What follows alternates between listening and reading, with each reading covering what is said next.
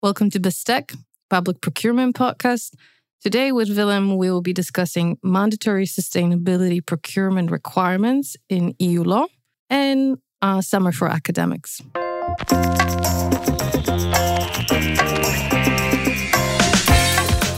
Welcome to Bestek, the Public Procurement Podcast. In this podcast, Dr. Willem Janssen and Dr. Marta Andhov discuss public procurement law issues, their love of food, and academic life. In each episode, Willem, Marta, and their guests search for answers to intriguing public procurement questions. This is Bestek. Let's dish up public procurement law. We're back. It's so good to be back. It's so good to be back uh, from all different places around the world after a couple months. After my debut of doing this on my own, I need to say I prefer to do it. I don't think we've ever had an episode that got that many likes on LinkedIn, though. So it's a bit sad, really. I, I, you kindly did this also to uh, to accommodate my uh, small break to deal with uh, deal with some other things, and now I'm so happy to be be back to podcast here in Copenhagen because we're doing this live, which yeah. is always a fantastic opportunity to look into each other's eyes and then laugh about the the silly stuff we say about public procurement. Um, but what's uh, what's happening today? What's happening today? Um, we going back to ultimately something that we really love, which is disseminating a lot of the research that has been going on over the last month. So um, some shameless plugs, right? Some shameless plugs, yeah. But I think also you know something that we feel very comfortable with, right? I think like when plugging ourselves. No, I don't mean I don't mean the flagging uh, the, the the the work that we're doing, but um, we took some time. We For had sure. chance to really dive deep into some of the new developments, and now we feel I think quite strongly about we kind of spend time on it. We know what we're talking about, right? Yeah, and I think on, on top of that, I think we also like uh, we talked about this in one of the desserts is that we do think it's also important to actively do this type of stuff as academics. So yeah. you don't just write; you also disseminate, and you actively, in whatever role you feel comfortable with, try to get the word out to as many people as possible to also better this world that we live in. Well, yeah, for sure. For the for the research not to be something that you and the two closest friends of yours uh, right but actually for this to end up with people that do these things in practice and and we somehow hopefully can give our own little like grain of contribution um, to practice so without further ado uh, we will um, focus today on the outcome of two projects with uh, predominantly focus on one but just to give the indication what we're talking about and where you can find it. We will be talking about the book that Willem is one of the co editors with Roberto Caranta. And I also had a chance to be invited to contribute. Thank you, Willem. Um, which is on mandatory sustainability procurement requirements in EU law. And we'll be focusing in our today conversation really on giving you a little bit of teaser um, on the on the particularly um, scoping of that book, which is um, a lot uh, highlighted in the first chapter that Willem authored. And also um, a shout out to the report that both of us had a chance to contribute to a report on shaping sustainable public procurement laws in the EU. Uh, we had a chance to work on that report for Greens fraction in the EU Parliament, and that report is uh, freely available. We will make sure that we will link it in um, the description of the of the episode. And of course, the book is coming, so we're hoping that we provide you with enough of teaser interest that you'll be interested to going and getting the book. And we of course also include a link to where you can pre-order the book um, in the description. But without further ado, I would want to ask question to the co-editor sounded very formal right now. I was getting a bit nervous now. Actually, before we start doing that, also just a quick shout out because the, the, as you rightly mentioned, the book was co-authored with Roberto Caranta. He also worked on the report for the Greens with us, mm-hmm. and we also had the pleasure of working with uh, Olga Martin Ortega. Uh, I think credit where credit's due. So um, sure, um, when we give maybe I'm just spreading the plug or the shout out to the report so it doesn't just look like we're plugging our own work. It's also their fault. Yeah. Um, but I just wanted to add that before we go into content. Yeah, absolutely. Uh, absolutely. Thank you for for ensuring that. And then because I think that both the report and the book have certain commonality, which is we're looking at the newest developments, what really happens, what Commission has been doing, uh, what discussion has been happening in the Re- European Parliament, how we're shaping the future law. And the book in itself is really focusing, you know, on this um, shift towards mandatory sustainability requirements in public procurement.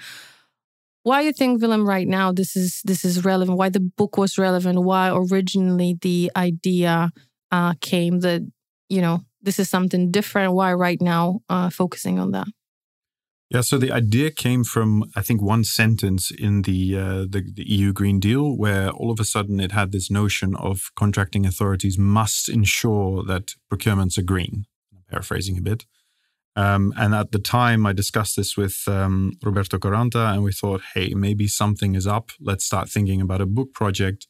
Also, whilst the um, lots of the, the uh, sectoral pieces of legislation that were about to come out of the EU Green Deal were still unfolding. So it was a bit of a moving target that sometimes made the book project also challenging, right? It was still unfolding. We weren't reflecting on something that happened 50 years ago. Now we're actually looking at something that's uh, unfolding before our eyes.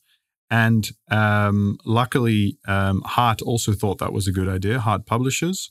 So the book is out in October and it's called Mandatory Sustainability Requirements in EU Public Procurement Law Reflections on a Paradigm Change. And what we mean by that paradigm change is that uh, we have a lot of voluntary possibilities to procure sustainable outcomes in public procurement law. They've been reflected on a lot and we had them for a long time, to be fair, right? Kind exactly. of that pos- as a possibility. You could have done that for decades now. Exactly. And they were further emphasized in 2014, but it was always voluntary.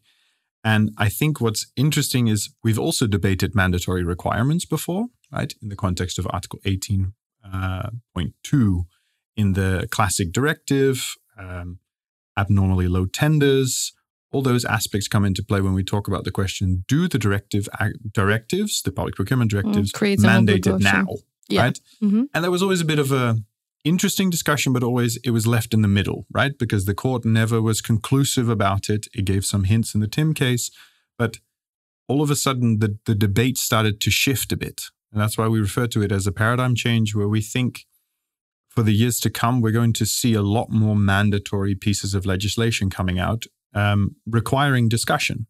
Because I think what's important as well is that we don't take these things for granted as academics, right? It's happening, we see it. And I think our role as academics is also to, provide an understanding first, what's happening, and to critically assess it and to discuss it and to provide some type of um, forward-looking thoughts about what will this do um, with the effectiveness of EU public procurement law in the future, and and mostly also to think about say that it would hamper that effectiveness, what are solutions? What do we need to look uh, look for?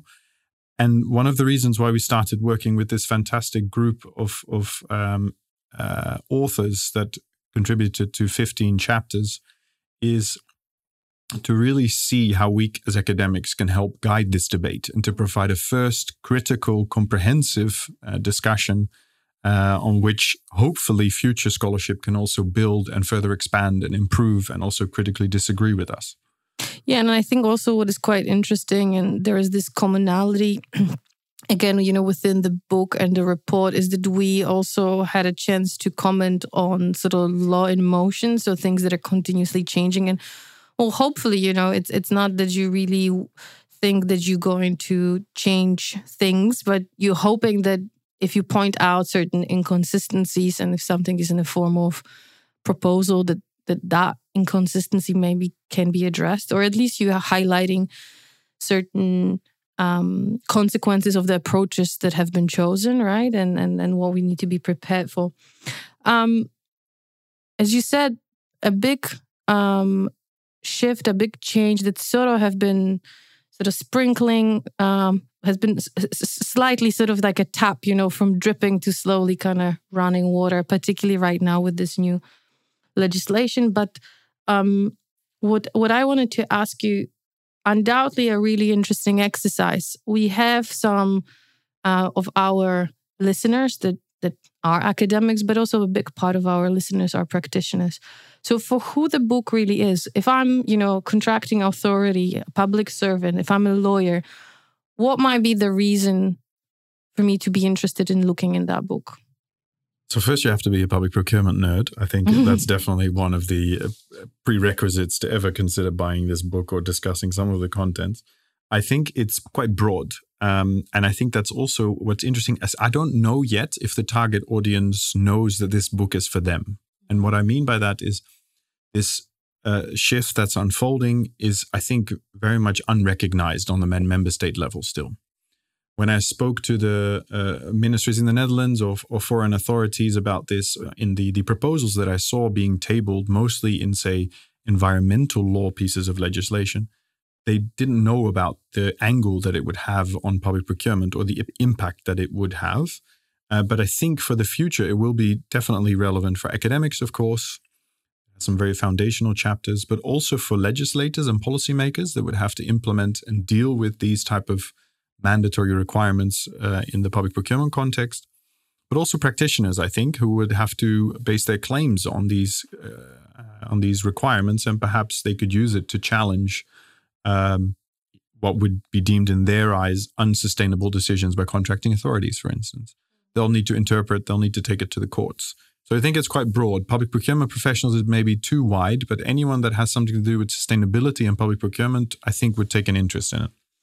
Well, it's interesting because I actually would argue that even broader, Willem. And the reason why I say that is, you know, I had a chance um, over the last months in Australia also to work a little bit with multinationals and B2B, business to business procurement. It's not a public one, but I was trying to learn a bit more what you learn from, you know, this more dynamic world um, as being referred to. And one of the sort of phrases that that I came across quite often is you need to get in early.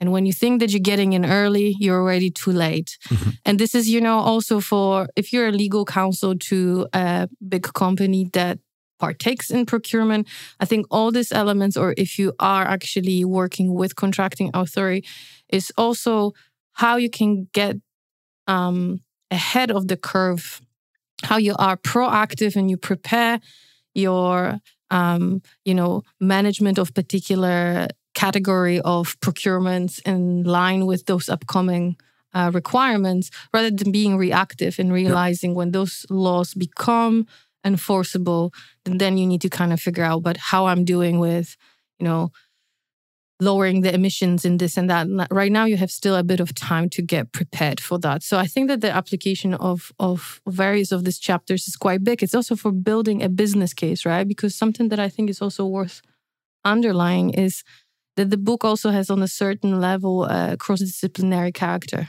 right? Can you tell us a little bit more about that? Yeah. So when we um, one of the first hypotheses of the book is to discuss what are the questions that should be answered prior to moving towards mandatory requirements? And this is also where interdisciplinary aspects come in. Um, Enrique Carreras and Davide Danone, they looked at the economics of it, right?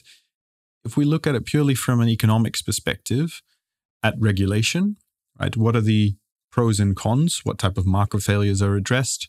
Is this, from an economics perspective, is that a good move? And they rightly point out that in in many cases the research is not there yet and sometimes it's even pointing towards a direction where from an economic perspective um, it might even be better to leave discretion right so i think those are important questions in addition you could talk about the chapter that uh, Ruben Nicolas and uh, Fredo Schotanus, as colleagues of mine at the, at the Center for Public Procurement, wrote about institutional aspects, right? What do we do? How do we strengthen contracting authorities internally, and how can we nudge them perhaps mm. more rather than uh, forcing them to do Just these type behavioral of economics a bit. Is that is that fair? Sort of. Yeah, perhaps a bit more public purchasing perspective. Okay. So mm-hmm. really uh, looking at it from a supply chain public procurement mm-hmm. perspective, mm-hmm. hardcore. Um, and they also point out and they say it should be more than just law, right? It should also be strengthening knowledge and expertise. It should also be uh, nudging and all those type of you know forces, as they call it, should be taken into play. So it's a legal book, but it's got these perspectives as well. I think because they're mostly also questions that should have been discussed prior to including these uh, mandatory requirements. And I think the general gist is, or at least what we see come up as a red thread or a common thread, is that in many cases those questions weren't addressed. Mm. Yeah, and, and and I think that that's um, that's a very good point uh, to start this this whole research because ultimately, you know, I've been thinking a lot about this idea of dead letter of law, you know, and very clearly you can point it out. Let's say, you know, in a context of not mandatory or voluntary, but let's let's take even voluntary, but you include some sort of sustainability related performance clause, and then that standard is not upheld during the contract, but contracting authority is not going to trigger that provision because they would need to go through all process again. And let's say they know that this is a market that that contractor is the best. There is not much more, so most yep. presumably they're going to win it again. The supplier is also not interested. So you know, like you went through all this exercise, you probably even paid for it more, but none of the parties is interested in in actually making that specific provision enforceable and enforce it. And then what is the point really and value of such a provision right? So i think that this is a very good discussion to have to start with. Is the law really the right tool to address this type of challenges? Will that has a have the effect that we want right? And so on and so forth um, so I really actually like that aspect of the book that you brought um, with Roberto, different people with different viewpoints and, and backgrounds to kind of give the more holistic feel to it. Yeah. And I think what's also interesting in a way, it's like involving people that aren't necessarily public procurement lawyers, right? We have a chapter on subsidiarity by Ton van den Brink, who really questions if the principle of subsidiarity was taking into account properly whilst this move is unfolding, right? It could still be for the for the proposals under discussion that could be strengthened, but um, a subsidiarity is definitely an attention point, right? Should it be regulated on the member state level, or should it be in terms of a shared competence be done on the EU level? Um, and the same goes for alternative types of regulation. Uh, should it be product specific requirements, or should we even go further and should we just focus on regulating the producer instead of regulating uh, uh, contracting authorities? And Chris Backes and Marlon Boeve do a great job at like highlighting or perhaps putting procurement lawyers in their place. They do it very kindly, by the way, but they're pointing out to alternatives of regulation rather than only focusing on, yeah, it should be mandated in the public procurement context. What is your opinion, though, of you know going through all this exercise? Because I feel like we also throughout our career and, and this focus on on sustainable public procurement, we've been through quite a lot of these discussions, particularly with economists um, and, and, and also behavioral economists and non regulatory um, sustainability kind of experts. The nudges, the you know trainings, capacity, all of that. We've been around that quite a lot. So would I wonder whether this is just still not done on enough of a good level or depth that we're not there yet and we just need time, or whether this just you know sort of goes as far as it can. And right now is really the moment also because if we look at it from the more environmental science perspective, world is kind of on fire and we're running out of time. So is there a need to, you know, really kick in this mandatory law or we just being a bit impatient? Um, well, I think there's a lot to say for both angles. If I give a very balanced, boring mm-hmm. academic uh, uh, response to what you just, I think, rightly pose. I think when e- when economists challenge mandatory requirements, I think they rightly point towards cost benefit analysis, those type of questions that have like dominated many economic discussions. Uh, but on the other hand, as lawyers, we bring in uh, equal, transparent, and just societies, right? Mm. And you could say, well, perhaps it's going to cost us a bit more. And you could still say, well, perhaps we just look at taxation or we should look at uh, subsidizing uh, certain activities. Buying less? perhaps. Mm-hmm. Yeah, all, all those things. So it's it. Uh, you, you, from a lawyer's perspective, you could say, well, our role is to critically discuss this move and to say, well, perhaps there is a place, even though it might not be as economically, to use the the procurement term, mm-hmm. advantageous mm-hmm. to do it here because it's all hands on deck. Yeah, to go um, towards uh, a, a, more sustainable uh, sustainable society. And now I'm just you know bringing us a little bit step back before we go into next aspect of the book but i think that what you did right now is you really nicely kind of point the general role of law in this discourse but then what what do you think from a from editorial perspective, being very well acquainted with all these chapters and obviously writing the conclusions and intro? What is the role really? What comes out of all that material is a role for public procurement law? Well, I think it, I, I, can't brush them with. Uh, I don't know if this is only a Dutch saying, but we say you can't brush them with one stroke. I don't yeah, know if that's yeah, an English saying. Like um, so I'm, I can not speak on behalf of all of the authors, of course, but when you look at the general gist, is that the conclusion is, is that there is a role for mandatory requirements within the context of public procurement that could be very useful.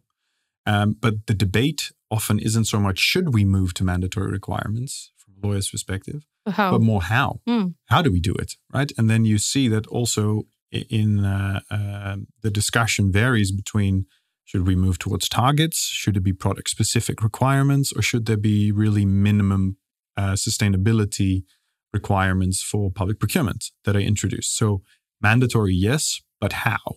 So, can you tell us, Willem, a little bit more about this typology that you identify and you summarized in the intro? Yeah, so where Roberto and I felt very strongly about the need to have some type of basis to structure the debate in the future about these requirements is because there's a lot of different requirements. So when people talk about mandatory requirements, it's like they sometimes all mean something else, right? Mm. So we thought, let's see, based on what we know now, what the main categories are. And it's those three aspects that I mentioned it's targets, it's product specific requirements. Right? Perhaps the latter is mostly what we know already quite strongly within internal market law, like specific requirements for products um, or services for, for that matter. and then I think the more novel one is those minimum mandatory public procurement requirements. And, and they can also be divided into subsets, right? So we have, you could say there's horizontal requirements that apply to irrespectively of, of the type of sector or the type of um, uh, object that we're regulating. Uh, general norms, um, like we have in the Netherlands, right? The obligation to uh, create as much societal value as possible, right? Very broad, an obligation that rests on the shoulders of contracting authorities or more uh, more sectoral, right? So you would say, well, these specific requirements apply to uh, the procurement of wind turbines, mm. right?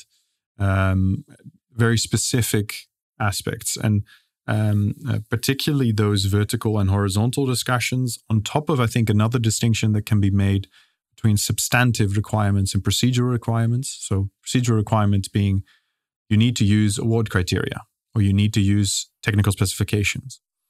Whereas substantive would say you need to use this type of award criteria. You need to focus on lowering uh, type two emissions. Yeah, right? so it's more yeah more but prescriptive th- even. Absolutely, but I think also what we've seen quite a lot in the first wave of this proposal when it comes to the procedural, it was not even as strongly worded as you pointed out, but it was you should consider hmm. which you know in a sense kind of says yeah i considered and i won't do any of it type yeah. of thing so it's also like what actually what's the what, wording yes yep. what's the wording and what the consequence of that provision really is wonderful and then um you lie the grounds and the foundation in the first part of the book but then um you have two different types broadly of chapters right got chapters that specifically look at um, various sectors Yep. Transport, food, textiles, batteries being some of those. And then you also have a country reports. Yep.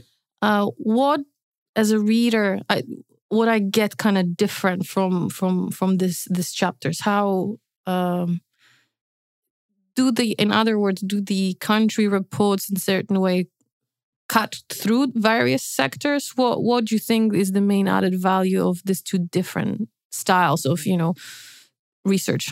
Yeah, so I would say that the sectoral studies, and, and I'll just briefly hide them, highlight them. It's, it's a, a, a chapter on transport by, by Abby Semple, food by Hanna Schebesta and, and Pepa Plana Casado, textile textiles by Malgorzata Gojewska and uh, Jean Svensky, and uh, construction by Dorothy Gruyaert and Veerle Pisiers. And um, what I think is really interesting is that the typology that we mentioned just then really comes to light in those different type of um, areas. And I think what one of the main conclusions is in this is that they advocate for more for more of a sectoral approach. Because generally sectoral approaches also mean that substantive requirements come into play. Mm. it's far more concrete, easier to enforce, also much clearer. And you can standardize them. Like what I'm being asked right now, also when I'm being asked to do some trainings, is can you provide us with like a blueprint clause on environmental X, Y, and Z that we can put in our out clauses? So, you know, it's also like scaling up this in a way that each time it doesn't take a really long time to figure out. And, you know, part of me is a bit skeptical because I'm like, well, do you think about it in a really kind of serious manner, you yeah. know? But another part of me that puts the very commercial hat on is like, yeah, we kind of want to address it, but we don't want to address it every single time.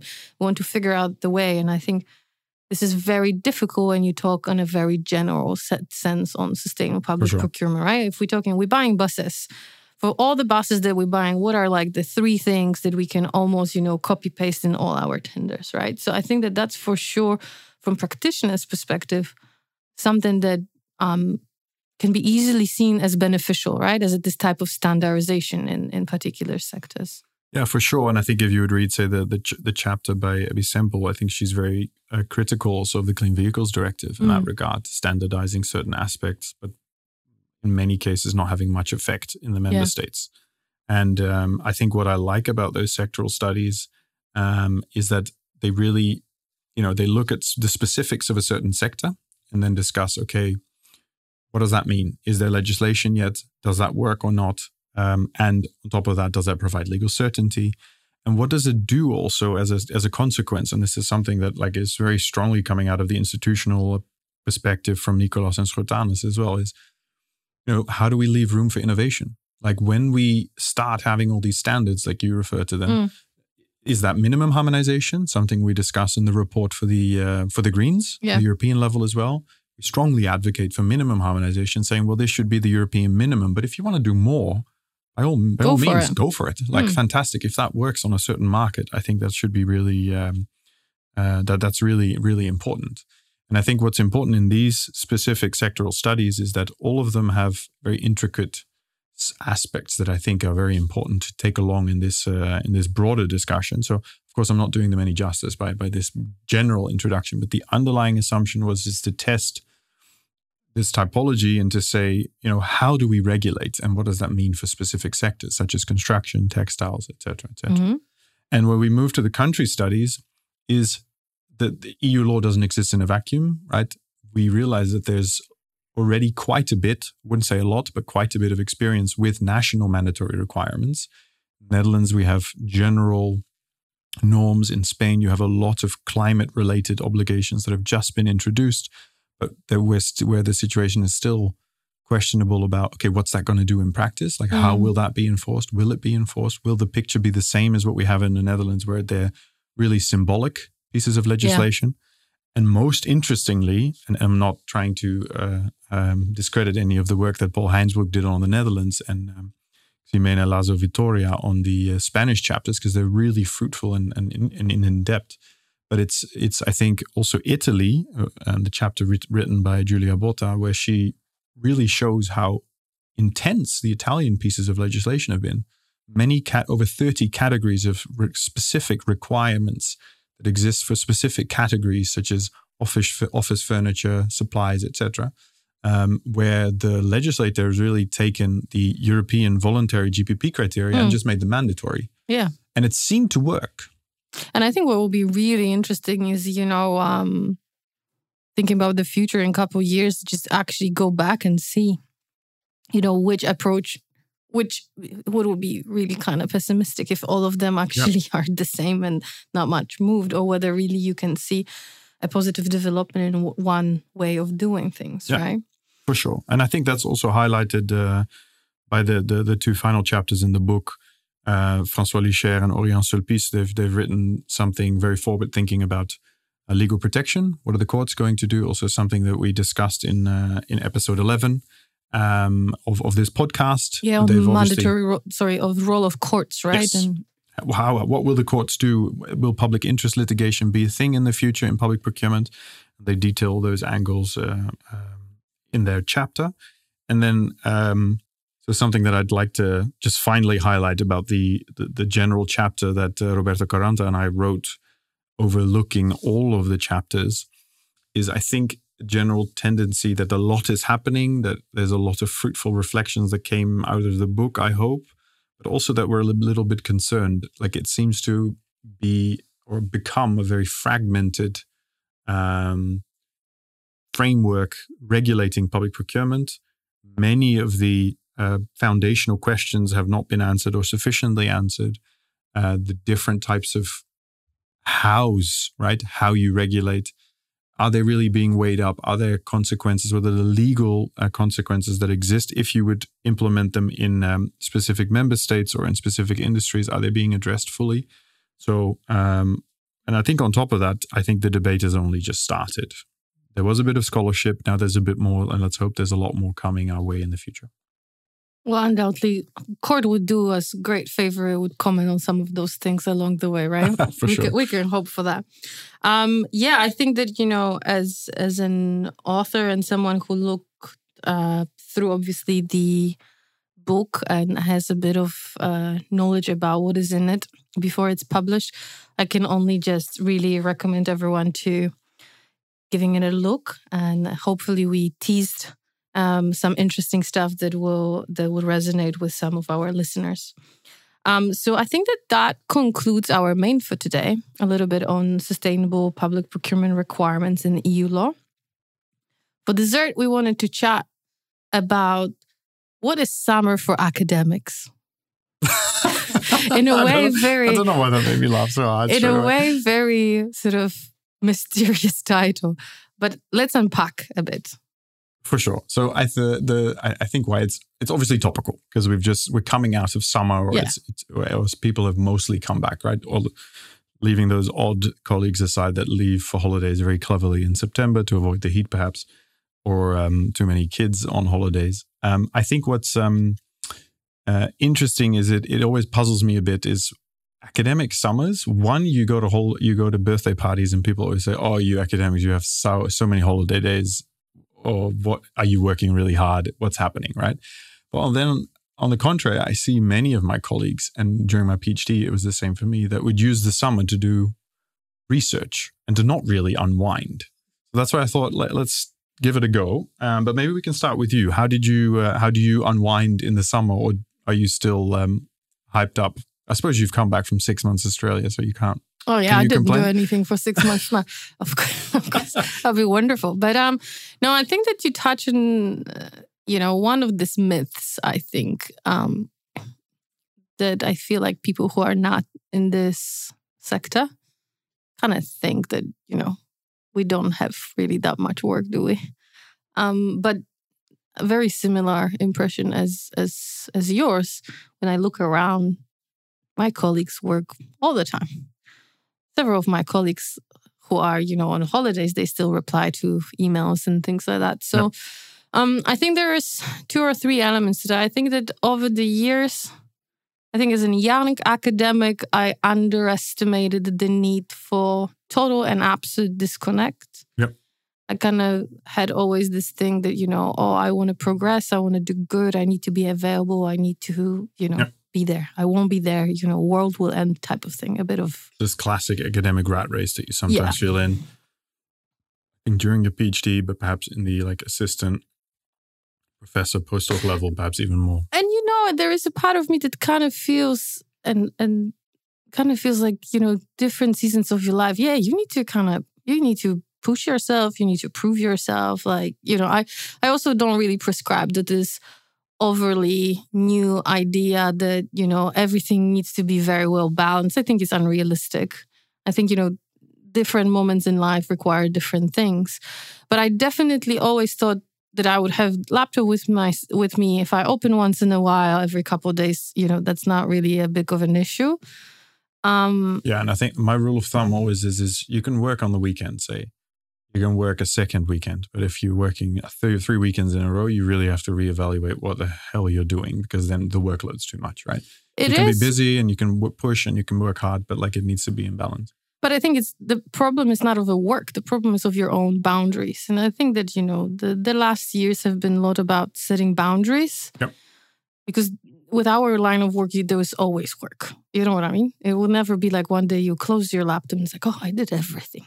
Yeah. So it's about establishing boundaries, but also the summer, I definitely, over last, I would say two, three years, enforced this notion that once per year I have a longer break that I don't take computer. And actually, yep. what I realized that going somewhere that does not have cell phone reception, um, Northwestern Australia, probably. Yeah, it's like great Australian outback that literally there is no cell phone reception. Does wonders to my sort of nervous system. Yeah. And I think that that allows me to come back somehow refreshed. Um, also, I think it's you get to a point of managing people, like you need a bit of break from that too. Um, but yeah, a part and also, I think, yeah. sorry, just to, to, to, add to that, I think also in terms of length, what I find is I need three weeks. First mm. week, I'm still thinking about work a lot. Second week, I'm starting to relax.